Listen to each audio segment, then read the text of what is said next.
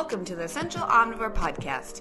I'm your host, Lucia Hawley, and I'm here to help you take the fear out of food, one bite and one conversation at a time. From guest interviews to the gooeyest of details about your guts. I hope you'll join me in creating space around the subject of our bodies and just what they might be telling us when we slow down and listen closely. Remember that the information provided within this podcast is for general information and educational purposes only and does not provide medical advice, professional diagnosis, opinion, treatment, or services to you or any other individual. So, something that I feel like we could offer to ourselves this week is to think about the idea of the word adaptive. Because so often with health and wellness and nutrition and fitness and just physical being in your physical body and having these physical bodies that we do, so often I see these ideas repeated. Just get more sleep, just eat less food or eat more high quality food, get your stress figured out, uh, figure out your rituals and your schedule. And once you do all that, then you're probably going to figure out that your physical health affects your financial health. And then you're going to repeat that and get your finances in order. And then when you do that, it's really going to highlight how you feel in your job. And maybe your job changes. And then you're going to step back and look at your whole life and just up level because of these changes that you made with your physical health way back when. Or you start on any part of that continuum, and there is this cyclical nature to creating change and maintaining change and accepting change. But if we backtrack and we look at those four or so different arenas that affect our physical health the sleep, the stress, the food, the physical movement. So often, I think we're stuck in a paradigm of more or less good or bad. Right? If you're noticing that you do not feel well rested, what is the typical advice? Figure out how to get more sleep. Go get more sleep. Go get more deep sleep. Uh, don't be on your screen before bed. Uh, maybe you have to cut some other things out of your life so you can go to bed early or you wake up a little bit later, or you do that meal prep so you're not rushing in the morning, you know, etc. You get your blood sugar figured out so you're not snoozing and hitting the snooze button in the morning because you're so tired and dysregulated. These are all wonderful subjects, but I offer this as an example because if if you're told, "Hey you, just go get more sleep." It's all it's a concept you already know.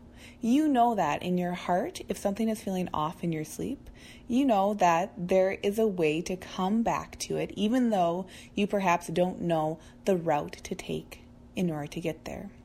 So, my offering this week for us to be thinking about is maybe it's less of a paradigm in whatever context when it comes to physical health. This is sleep is just one example when it comes to our health and wellness and moving these different markers around in order to achieve a wellness goal or ideal that we desire for ourselves within and individually and perhaps intuitively, the word I want you to be thinking about is adaptive.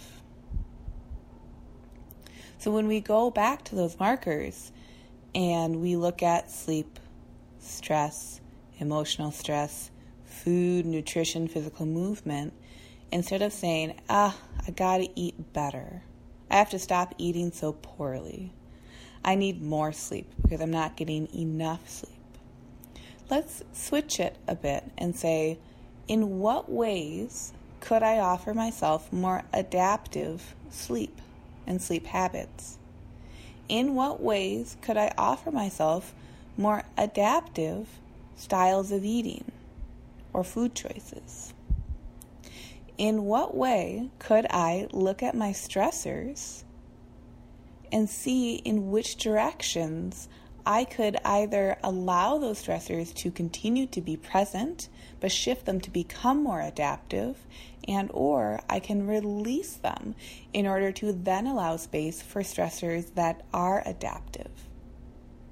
So, if we dive into that term a bit more, what that term starts to then, it almost shows us because of its own shadow or its own opposition, is we have adaptive habits, actions, and on the flip, we have habits or actions or occurrences or situations that are non adaptive, that are maladaptive.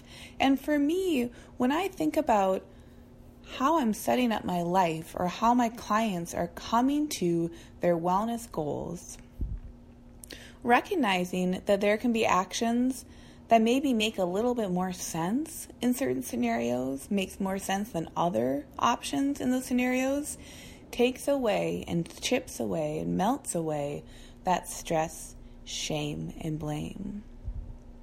So instead of being overwhelmed, knowing, oh, I sleep poorly, I have to sleep better, I'm just gonna sleep more, right? More sleep, the better. That's how it works. That's deciding and creating an action and making a decision out of a state of sympathetic dominance, of stress. It's a stress decision. And while there's a time and a place for stress decisions, because there's a time and a place to be stressed out and to have that stress reaction, for a lot of these chronic daily habits and actions that we integrate into our lives, feeding ourselves, going to the gym or being outside, having self care rituals, going to sleep, like how we engage with our loved ones the stuff that we start to fall back on, I really truly believe that when we're ready to integrate new habits into our lives, if we can allow ourselves to decide what that habit is from a parasympathetic place, then that habit will be adaptive. Because stress, our sympathetic mode, is wonderful and it offers us tunnel vision. When we are stressed out, we are laser focused on managing and the management of that stressor.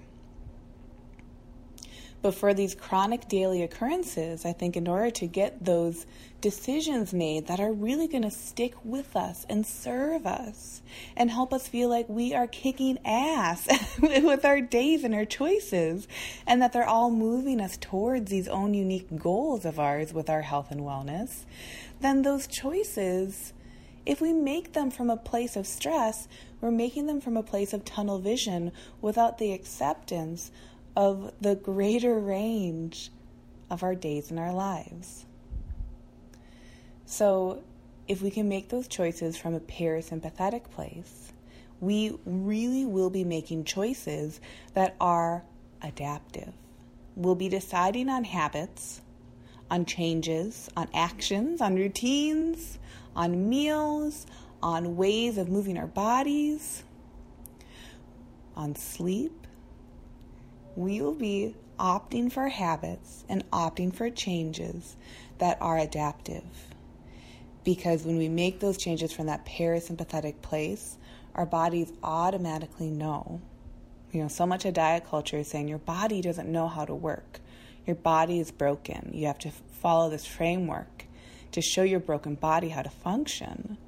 But a lot of that turns out to be noise and turns out to be kind of a great big deal of nonsense. So when we slow down and we shift our focus away from the sympathetic state, that tunnel vision dissolves and we step back and we're able to see the bigger picture. So, in action, instead of saying, oh, I need to sleep more because I don't sleep enough, we might actually realize, well, hey, if I'm looking for an adaptive change or more adaptive function from my sleep, I can recognize that on paper I'm actually getting enough sleep. I'm getting about eight hours and about nine hours in bed. But you know what I realize now that I'm not making this decision from a place of stress? I realize that I wake up multiple times per night because of noises outside. But when I was so stressed out, I had absolutely no idea that those wake ups were happening. I was glazing over them because it was all focused on one facet of this foundation of sleep. Do you see that change? It's a small, subtle change. But when we start to look at things from an adaptive standpoint and we say, how could I integrate? How could I bring? How could I bring addition into my life? What could I subtract from my life? Not because they're bad actions, not because they're good actions, even. If you want to be a good sleeper, I don't know, go back to preschool? Is that where we get like stars for being good nappers? Or we are being told whether it's good or bad? And maybe, quite frankly, that's why some of this rhetoric is ingrained in us. But if we can just shift to the side for a little bit here and say, okay, it's less about being a good or a bad sleeper. And maybe it's more about bringing in awareness. And maybe that awareness is most easily and most authentically and most alignedly brought in when I allow myself to think about it from a parasympathetic state. So, homework for this week is thinking about that word adaptive. Those little nagging thoughts that you have, being like, oh, I should have meal prepped more. Oh, why do I not enjoy the foods that I did meal prep? I thought I was being so good on Sunday when I was cooking all my foods for the week. When you skip that CrossFit workout or going to the gym because your day was long, even though you know that the gym actually makes you feel good after a long day and you're on the train of beating yourself up, can you, for the homework, step back and say, in this moment, what feels like it would be an adaptive action? See what that small tweak in language will offer you this week. See if it begins to melt away, begins to chip away at the shame and blame and guilt shields that we all have and we all use to get through our days. See what happens and what new ideas and offerings you can provide yourself simply by asking, Is this adaptive? And if I desire an action that is adaptive, what comes to me?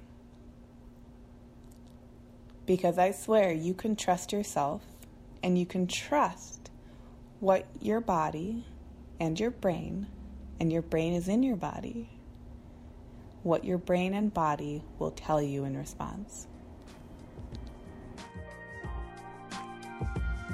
Hey, thanks so much for joining along on today's episode. For full archives of past episodes, hop on over to essentialomnivore.com or subscribe to the Essential Omnivore podcast on Apple Podcasts or Stitcher.